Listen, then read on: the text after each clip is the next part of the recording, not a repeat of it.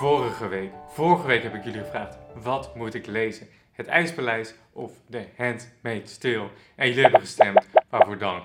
En met een minimale minderheid heeft gewonnen het IJspaleis van Tarjei Versaas. Voor de Noren onder ons, zeg ik dat goed?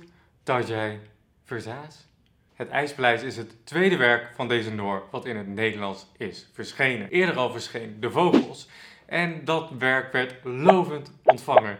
Al een aantal maal had ik het in mijn handen, maar ik heb het nog niet gelezen. Het IJspaleis is dus mijn eerste aanraking met Tarjei Versaas. En voor ik begon met lezen, las ik de blurbs op de flap. Luister eens naar deze denderende woorden. Hoe eenvoudig is dit boek? Hoe subtiel? Hoe sterk? Hoe anders dan alle anderen? Het is uniek. Het is onvergetelijk. Het is buitengewoon.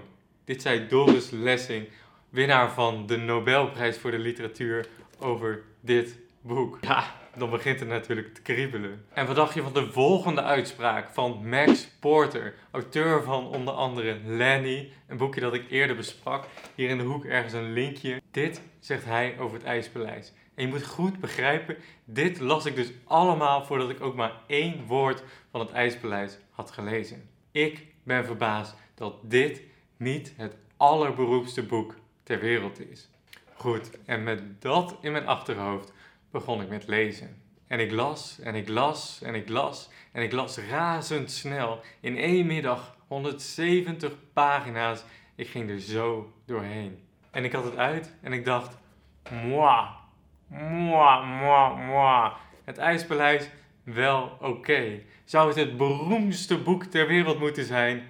Ik zag het niet. Sterker nog, ik ergerde me behoorlijk aan een aantal dingen in het boek. Even voor de context, het verhaal. Het gaat over twee Noorse meisjes, Sis en Un, die leven in een klein Noors dorpje. Oh ja, en het is herfst en het is vreselijk koud en het is al vroeg donker.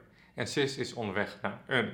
En die Un, die woont pas sinds kort in het dorpje bij haar tante, want haar moeder is overleden. Ze is dus wees. Daar, eenmaal op de kamer, met z'n tweetjes, met dichte deur, worden ze vriendinnen. Althans, een soort van. Die hele ontmoeting loopt een beetje ongemakkelijk af en dan besluit Un de volgende dag om niet naar school te gaan. Ze kan Sis niet onder ogen zien. Wat gaat ze wel doen? Jawel, naar het IJspaleis. Het IJspaleis is een bevroren waterval, bestaande uit allemaal verschillende bevroren kamers met spleten waar Un steeds dieper en dieper intrekt. Wordt steeds kouder en kouder en ze heeft geen weg meer terug. En daar in het IJspaleis overlijdt ze. En de rest van het boek, de rest van het boek is eigenlijk de zoektocht van Sis en alle andere mensen in het dorp naar Un. En dat ze haar niet kunnen vinden en alles wat daarna gebeurt. Ja, zo simpel is het boek ogenschijnlijk. Het verhaal laat zich in ieder geval heel makkelijk vertellen. Maar goed, tijdens het lezen stoorde ik me aan een aantal elementen. Dit staat op de tweede pagina. Ik ben benieuwd wat ik bij Un te weten kom. Zal zeker iets te weten komen. Heb de hele herfst gewacht vanaf de eerste dag dat de onbekende Un op school kwam. Ik weet niet waarom. En terwijl ik dit las, terwijl mijn ogen over de pagina's raasden, dacht ik bij heel veel zinnen: dit is niet af. Dit klopt niet.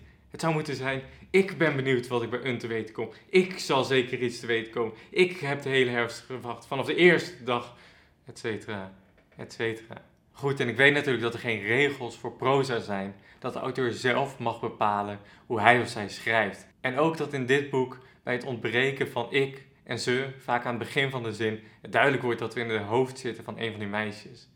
Maar toch, toch ergerde ik me eraan. Misschien was het omdat ik vorige week Vaders en Zonen las. Hier ergens een linkje, wat een werk is met ja, klassiek, keurig proza. Misschien was het dus omdat het contrast zo groot was. Maar één ding was duidelijk, ik ergerde me. En een tweede ergernis waren de personages. Want naast Sis en Un bestond er niemand. Niemand had een greintje van leven. Ze bestonden er alleen maar als soort ja, decorstukken, zodat Un en Sis hun verhaal konden leven. En zo las ik in een halve middag van halve ergernis het boek uit. En ik vroeg mij af, waarom waardeer ik dit niet? Alle besprekingen die ik vond waren lovend. Maar ik was dat zeker niet. En dus dacht ik, er kunnen drie dingen aan de hand zijn. Of dit boek past totaal niet bij mij, of de wereld en iedereen die dit boek gelezen heeft is totaal achterlijk of ik heb iets gemist. En die eerste hypothese dat dit boek niet bij mij past, vond ik eigenlijk vreemd. Want het was Max Porter immers, de auteur van Lenny, een boek wat ik geweldig vond en wat duidelijk geïnspireerd is op dit werk. Die zei: Ik ben verbaasd dat dit niet het beroemdste boek ter wereld is. En ook als ik kijk naar de elementen in het boek, experimenteel proza, het gaat over de natuur, het gaat over de wonderlijke blik van kinderen in de wereld. Dat zijn allemaal elementen die mij zouden moeten aanspreken. Maar het deed het niet. Dan de tweede hypothese. De hele wereld is achterlijk en heeft het verkeerd gezien. Ja, hoe aantrekkelijk die hypothese natuurlijk ook is. Hè, want dan zou ik mezelf hier plaatsen en de wereld hier. Het lijkt me niet heel waarschijnlijk. Want laten we eerlijk zijn, wat is waarschijnlijker? Of ik ben te dom voor het boek, of alle andere mensen zijn achterlijk. Dan ben ik toch geneigd naar het eerste. Dus toen bleef er slechts één hypothese over, de derde. Ik heb iets gemist in het boek. Dus ik begon opnieuw te lezen. En langzamer ditmaal, want de vorige keer was ik er doorheen gevlogen. En ik realiseerde me al snel bij dit herlezen dat dat mijn fout was geweest. De eenvoud van het proza nodigt uit om te vliegen, maar je moet langzaam lezen, alle woorden laten klinken en dan, dan ontstaat wat moois in dit boek. Neem bijvoorbeeld deze passage als Sis en Un samen op die kamer zitten en samen in een spiegel kijken. Vier ogen vol flitsen en stralen onder hun wimpers. De hele spiegel gevuld. Vragen die opkomen en zich weer verbergen. Ik weet het niet. Flitsen en stralen, flitsen van jou naar mij, van mij naar jou en van mij naar jou alleen. In de spiegel en weer terug. En geen enkel antwoord op wat dit is. Geen enkele verklaring. Jouw rode getuite lippen? Nee, dat zijn de mijne. Ze lijken zo op elkaar. Ons haar op dezelfde manier en flitsen en stralen. Dat zijn wij.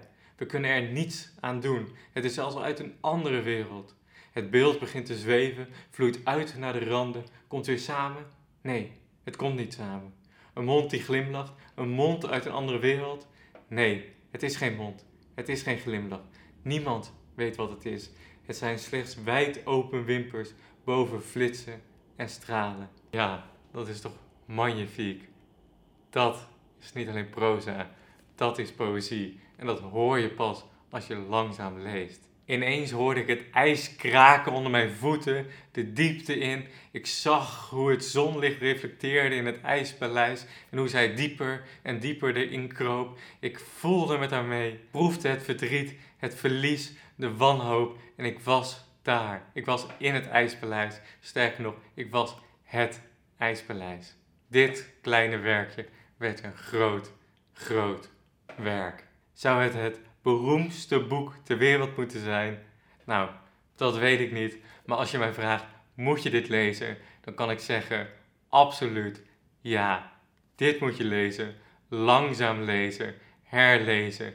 Dit moet je tot je laten spreken, want dan ontstaat er iets. En dan begrijp je misschien net als ik waarom je leest. Dat je leest omdat je in een boek een wereld aantreft. 170 pagina's is een wereld. Hoe grandioos is dat? Oh ja, mijn tweede ergernis dat de personages niet tot leven komen. Wat een onzin was dat. Natuurlijk maakt dat niet uit, want het is geschreven vanuit het perspectief van een kind en een ander kind. En wat maakt het dan uit wat die ouders doen? Dat is helemaal niet relevant. Voor hun is er alleen hun wereld. Zijn er vriendjes en vriendinnetjes? Is er leven en lijden? En dat is het wel. En wat heb ik geleerd? Dat ik nog langzamer moet lezen. Langzaam lezen, Floris. Langzaam lezen. En volgende week, volgende week lees ik het boek dat het deze week niet werd.